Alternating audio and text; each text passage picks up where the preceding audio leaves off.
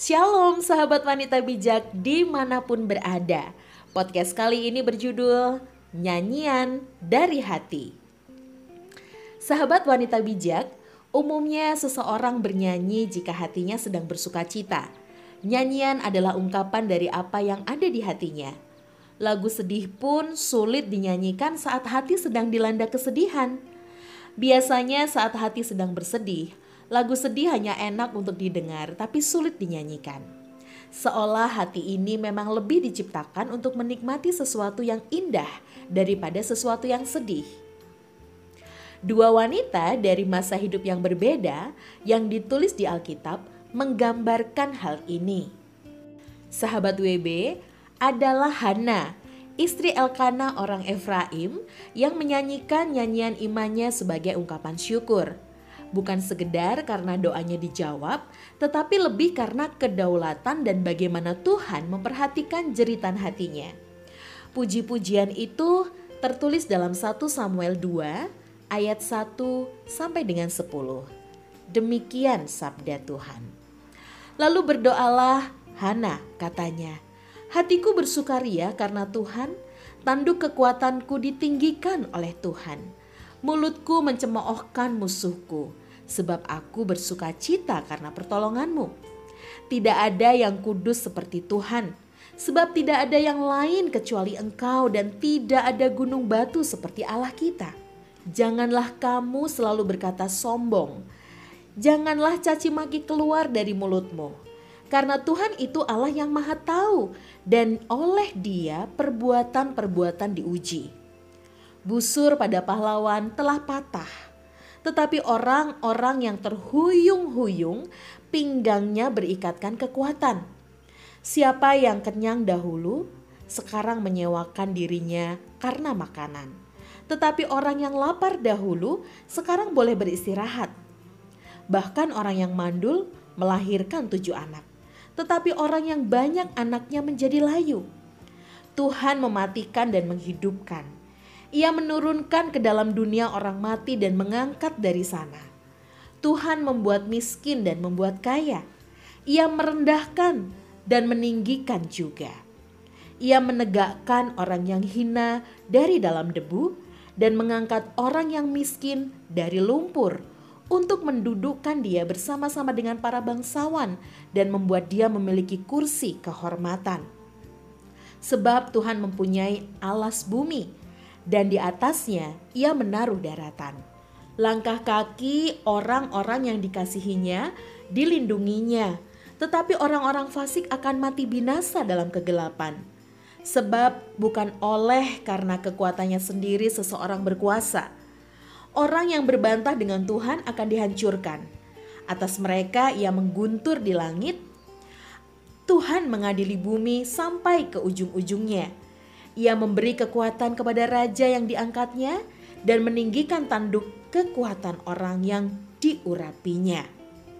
Demikianlah 1 Samuel 2 ayat 1 sampai dengan 10. Sahabat WB, Alkitab mencatat hal yang menarik di bawah judul perikopnya. Lalu berdoalah Hana katanya.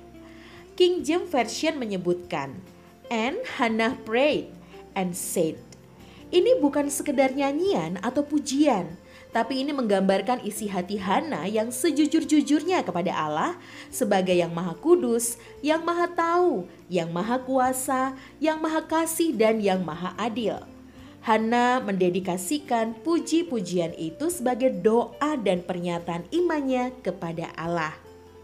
Dalam menjalani hidup sehari-hari, sudahkah kita berdoa dengan sikap hati yang tulus, menyembah Tuhan seperti yang Hana lakukan?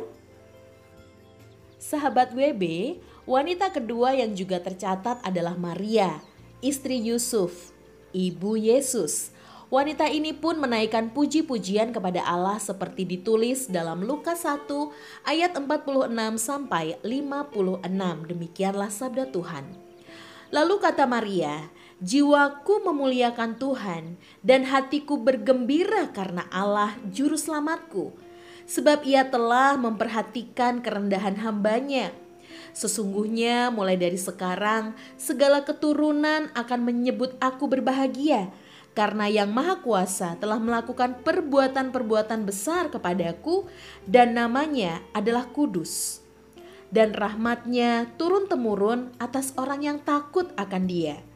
Ia memperlihatkan kuasanya dengan perbuatan tangannya dan mencerai beraikan orang-orang yang congkak hatinya. Ia menurunkan orang-orang yang berkuasa dari tahtanya dan meninggikan orang-orang yang rendah. Ia melimpahkan segala yang baik kepada orang yang lapar dan menyuruh orang yang kaya pergi dengan tangan hampa. Ia menolong Israel, hambanya, karena ia mengingat rahmatnya seperti yang dijanjikannya kepada nenek moyang kita, kepada Abraham dan keturunannya untuk selama-lamanya. Demikianlah Lukas 1 ayat 46 sampai dengan 56. Sahabat WB, Judul perikop yang dicatat di Alkitab adalah Nyanyian Pujian Maria. Dalam Lukas 1 ayat 46 disebutkan, Lalu kata Maria, jiwaku memuliakan Tuhan. King James Version menyebutkan, And Mary said, My soul doth magnify the Lord. Yang menarik dalam nyanyian ini, Maria teringat dan mengutip janji firman Tuhan yang disampaikan kepada Abraham yang dicatat dalam kejadian 17 ayat 7. Aku akan mengadakan perjanjian antara aku dan engkau serta keturunanmu turun-temurun menjadi perjanjian yang kekal supaya aku menjadi Allahmu dan Allah keturunanmu.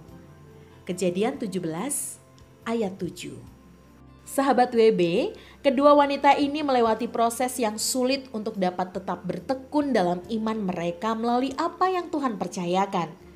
Hana doanya dijawab Tuhan setelah sekian lama.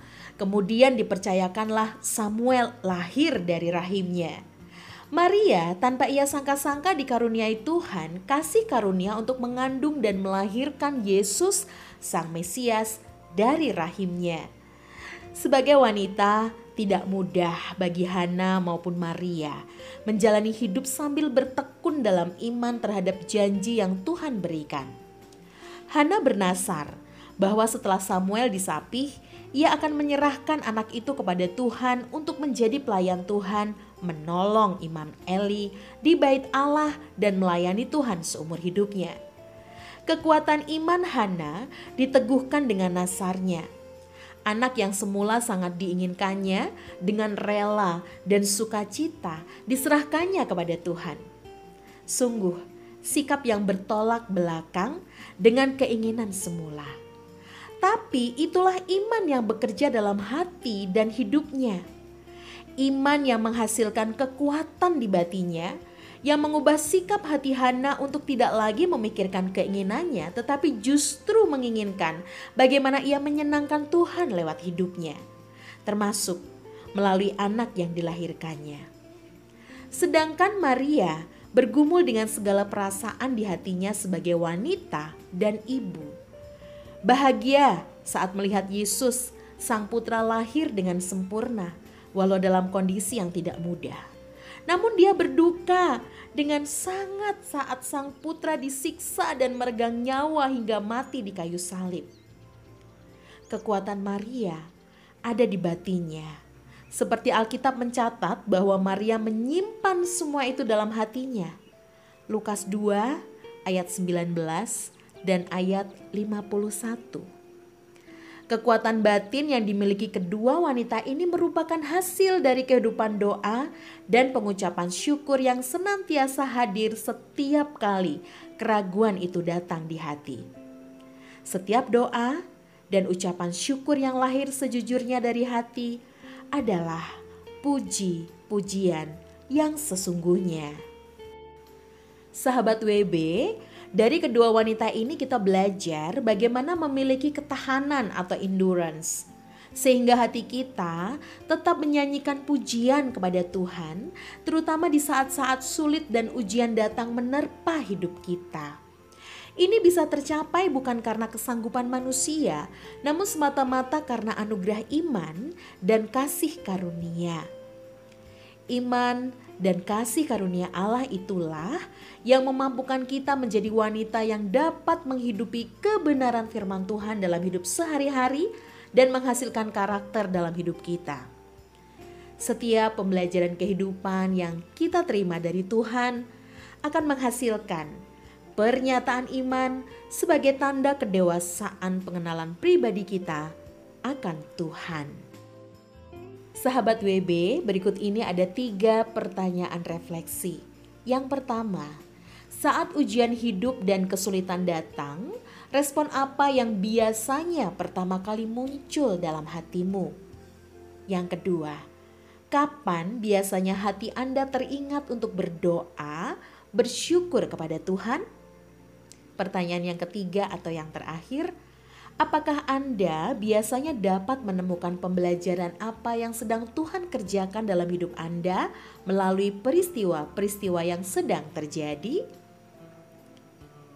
Sahabat WB, demikianlah podcast edisi kali ini. Terima kasih sudah mendengarkan.